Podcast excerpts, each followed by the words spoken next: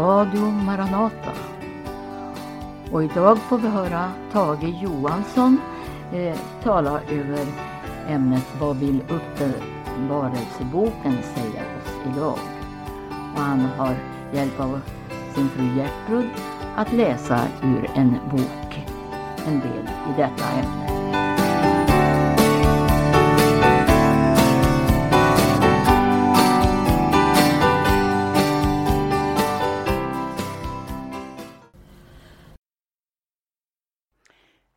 Ja, vi hälsar dig välkommen att eh, ta del av ett program från Radio Maranata. Jag heter Tage Johansson och eh, jag vill eh, i några program tala om eh, Uppenbarelseboken. Eh, det är inte tänkt så som en, en djuplodad eh, teologisk eh, grej utan eh, fast mera om Guds tanke just med Uppenbarelseboken. Vad den har att säga oss och eh, eh, vad den kan ha för betydelse. Och att den har en stor betydelse det, det, det förstår vi eftersom det är en bok som eh, verkligen Gud har inspirerat till att den har kommit till. Och alla känner ju till att det var Johannes, aposteln Johannes som blev förvisad till Patmos som fick eh, uppenbarelser.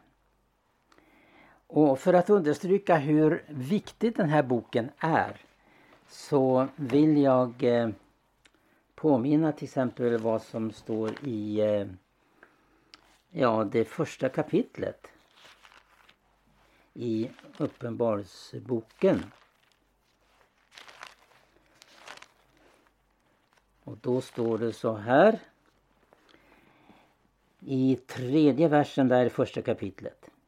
Salig är den som får uppläsa denna profetias bok. Och saliga är de som får höra den och som taga vara på vad däri är skrivet. Ty tiden är nära. Ja, vi läste här att taga vara på. Vi känner till det här uttrycket också för det gäller församlingen i, i, i Philadelphia. Du har tagit vara på mitt ord. Och därför ska jag ta vara på dig. Det är ju tanken då att eh, eh, Gud har givit oss den här boken för att den ska vara vägledande och upplysande. Och det är ju verkligen en, eh, en upplysande bok. Det är eh, vi har ju hört talas om det här apokalyptiskt. Det är väl ett ord som eh, förekommer också i profana sammanhang. Eh, och eh, det betyder ju att eh, man avslöjar någonting. Eh, parusian låta någonting lysa fram helt enkelt. Och så finns det också ett ord här som eh, och då på grekiska är parusi eller parusia. Parusi det ju, handlar ju om återkomst eh, parousia i närvaro. Ja. Det talas ju verkligen om detta levande hopp i den här boken. Om hans tillkommelse bland annat. Men hela boken handlar ju om slutskedet för mänskligheten. Vad som eh, ska hända. Och det är väldigt viktigt viktig information för oss att orientera oss i tiden. Att det är viktigt för den troende människan att känna sin tid, vara medveten om vad som händer. Och den här boken, Uppenbarelseboken, den avslöjar verkligen för oss vad som kommer att hända. Både som eh, också han skriver här, både det som nu är och det som skall komma. När Johannes då sitter på ön Patmos så eh, har ju Gud då den tanken med den händelsen i hans liv att han ska få mottaga den här uppenbarelsen. Och han får också först och främst, kan vi läsa i början av den här boken, om hälsningar till sju församlingar i mindre Asien. Och där han uppenbaras, där det blir uppenbarat hur deras tillstånd är andligen. Huruvida de har tagit vara på Guds eh, bud och eh, huruvida de har släppt in främmande ting som nu blir uppenbarat genom han, Johannes för att de ska kunna korrigera sig. Uppenbarelseboken är uppdelad i olika eh, händelser. Viktiga händelser som ska gå av stapeln. Det finns ju faktiskt också eh, en eh, som för drygt hundra år sedan eh, skrev en bok som handlar om ljus för den sista tiden. Eh, det var eh, en engelsman. Han var, missions, han var föreståndare för ett missionsläroverk i London. Han har också skrivit tidigare en bok i Babylon och Vilddjuret. Var doktor H... Eh, eh, ja, hur uttalas det nu det här? Det var doktor Grattan Guinness. Guinness, ja. Han eh, har väldigt lagt ner mycket möda på att ta del utav den här händelserna som Uppenbarelseboken eh, talar om. Eh, den tar ju också eh, den, eh, alltså Guds historia, om jag säger så, från början, det som var från begynnelsen. Den tar, eh, boken tar, tar också upp den här förberedande tiden. Den messianska tiden och eh, den tid som också kallas för tusenårsriket och Guds eviga rike, Guds riket som skall eh, till sist bli eh, helt eh, till människors del som har tagit emot hans frälsning. Jag ska be Gert läsa eh, vad han skriver om de här olika tiderna. Det var alltså förberedande tiden, messianska tiden, tusenårsrikets tid och det eviga Gudsrikets tid. Ja, då läser jag ur den här boken som heter Ljus för den sista tiden. Där han skriver om de här olika eh, avdelningarna i, i tiden som eh, den här författaren delar upp det i. Då skriver han så här. Den förberedande tiden, den tidsperiod som ligger emellan syndafallet och Herrens första ankomst kan indelas i två avdelningar. Den patriarkaliska och den judiska. I den första finner vi berättelsen om två olika världar. Den gamla världen som dränktes i syndaflodens vågor men ur vars grav en ny jord och en ny mänsklighet uppstod. Och på samma sätt under, under den judiska avdelningen ett nytt folk kallades så att säga till liv. En ny lag och en ny uppenbarelse blev given. Ett tempel helgat åt Guds namn blev byggt och uppfylldes genom Guds närvaro av Herrens härlighet. Jerusalem blev den konungsliga staden där Salomo regerade under fred och välstånd. Under hela denna förberedande tid framstod mer och mindre klart profetian om ankomsten av den nya människan som i sig innebar löftet om hedningarnas omvändelse, Israels pånyttfödelse och till och med alltings återställande. Den messianska tiden. Denna tid innefattar också två skilda perioder. Den andra människan, Kristi ankomst och härlighet och den andliga förnyelsen av hans folk eller den kristna församlingens historia. historia. Den första av dessa, eller Kristi första ankomst, har en andlig och en naturlig sida. En ny andlig människa framträdde på jorden, en fullkomlig mänsklig varelse utan synd, urbilden för en förnyad mänsklighet. Prövad i frestelsen, prövad genom lidande, har hans absolut rena och rättfärdiga karaktär uppnått den högsta höjd av utveckling. Han uppfyllde all rättfärdighet och han fullbordade sin faders verk genom lydnad in till döden, ja in till korsets död, på det att han måtte återlösa sitt folk och vara dess rättfärdighet för alltid.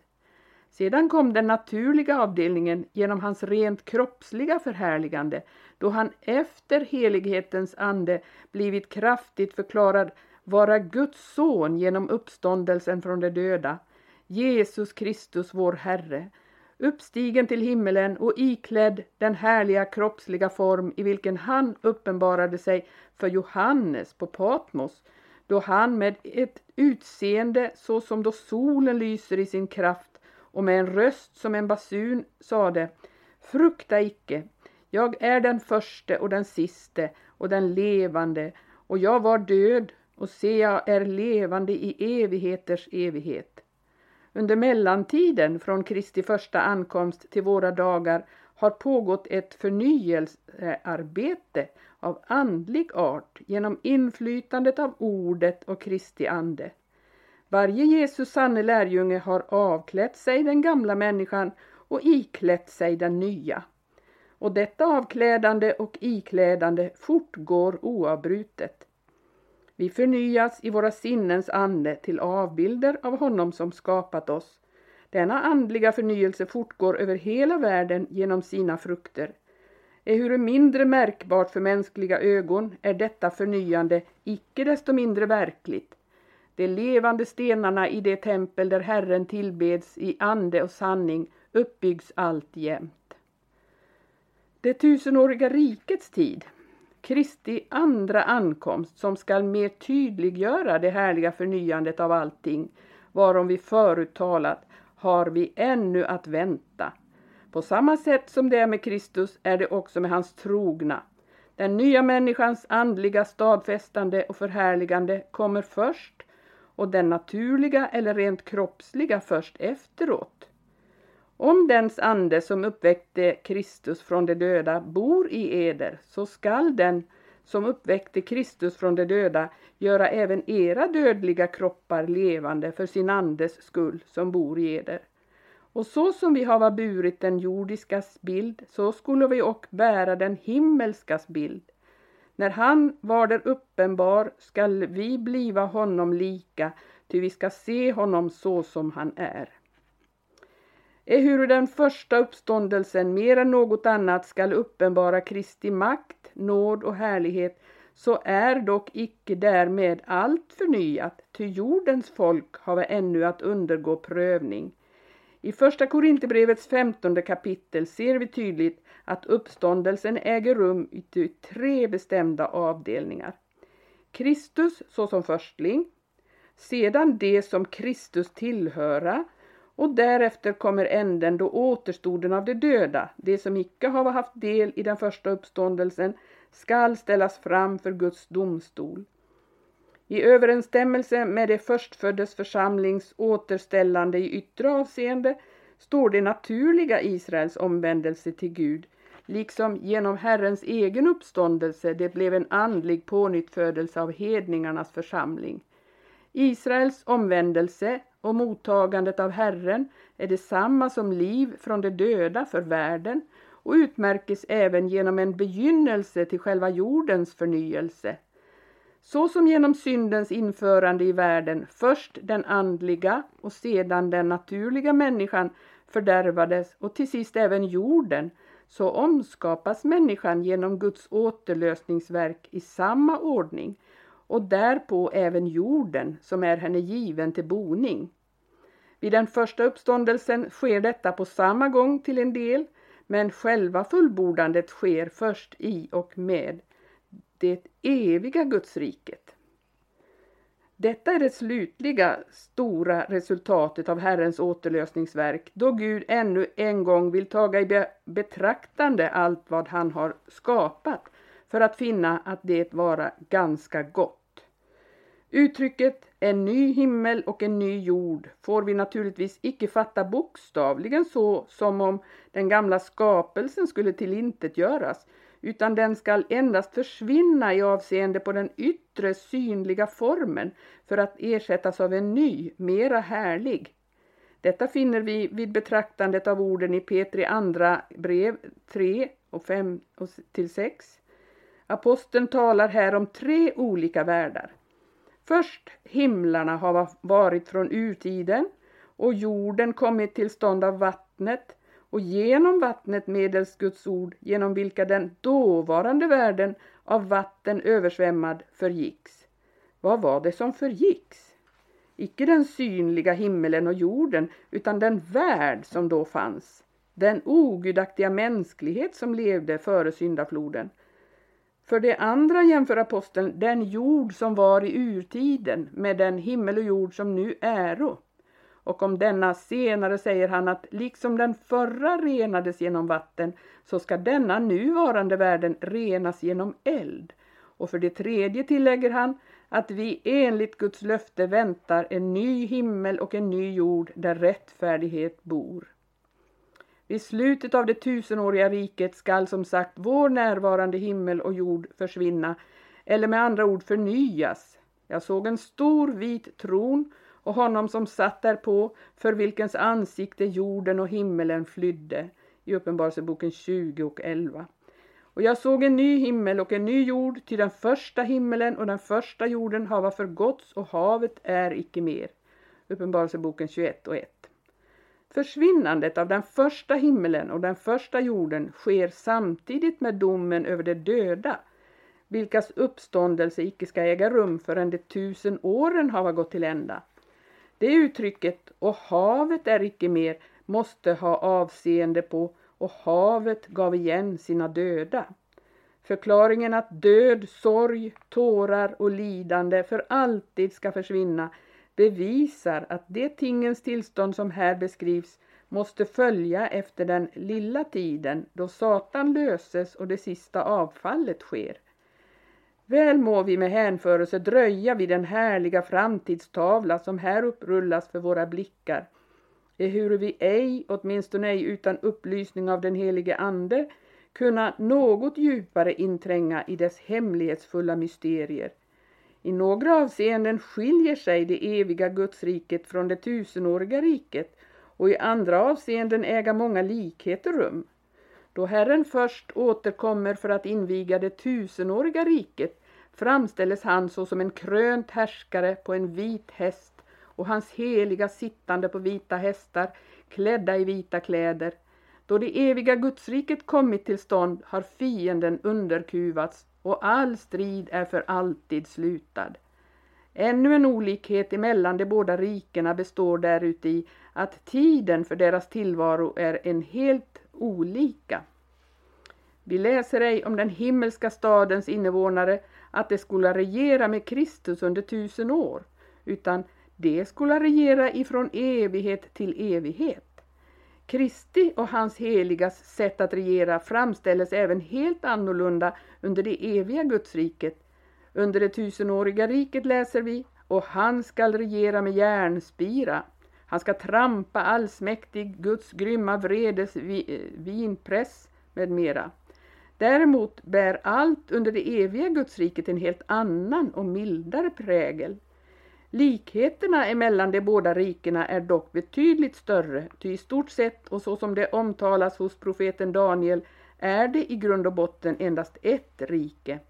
Det återlösta och pånyttfödda människosläktet är ju det som ska besitta den nya jorden och det omtalas i Uppenbarelseboken 21 och 24 att konungariken skola finnas där, ty konungarna på jorden ska föra sin härlighet och ära in i den nya staden.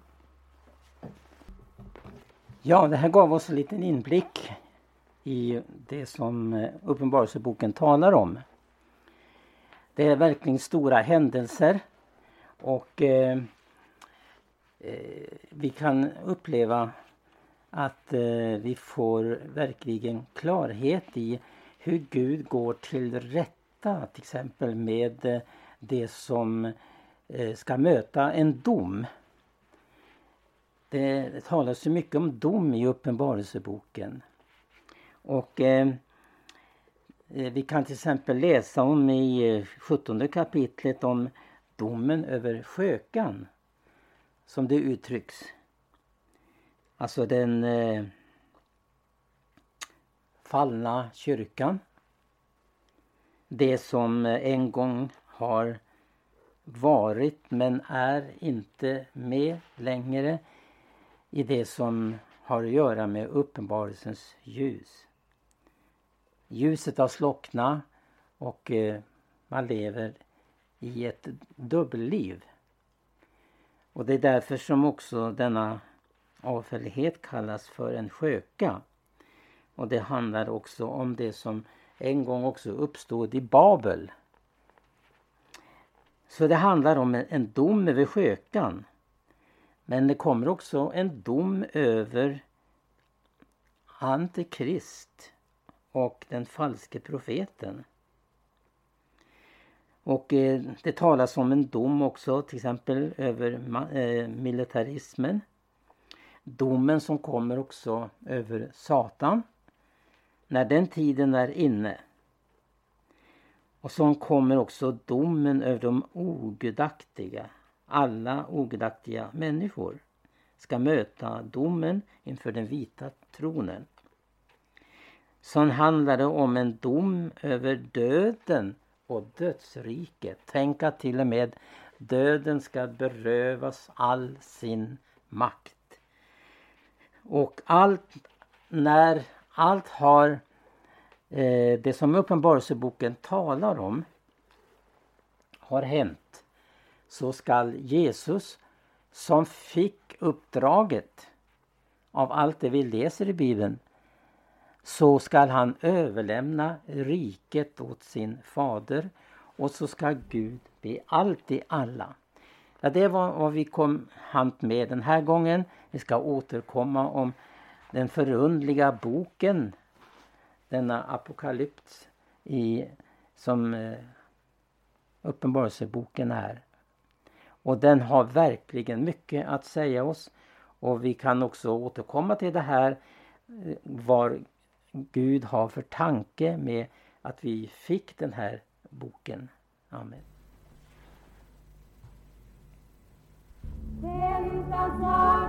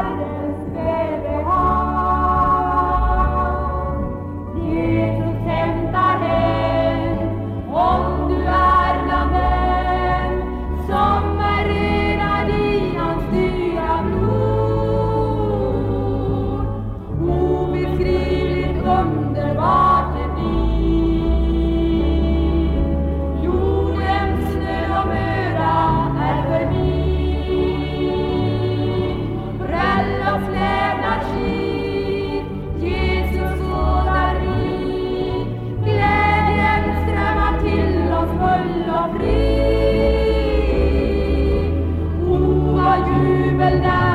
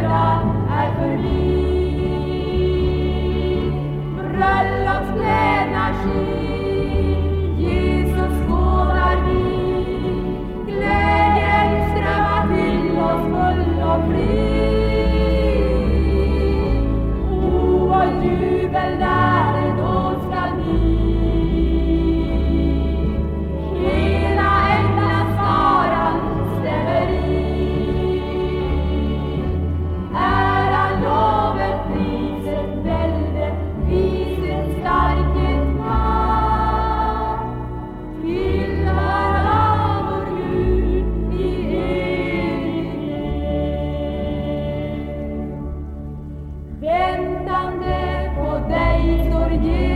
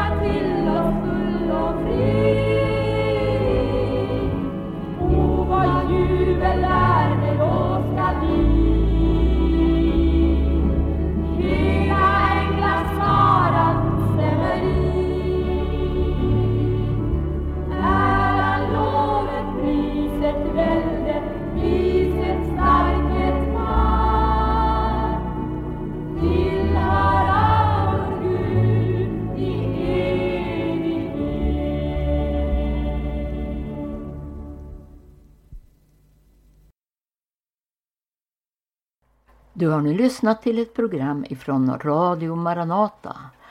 Det var Tage Johansson som talade över ämnet Vad vill Uppenbarelseboken säga oss idag? Assisterad av sin fru Gertrud som läste ett stycke ur en bok i samma ämne. Därefter hörde vi sång av några systrar i församlingen, liveupptagning Väntan snart är slut för Jesu brud.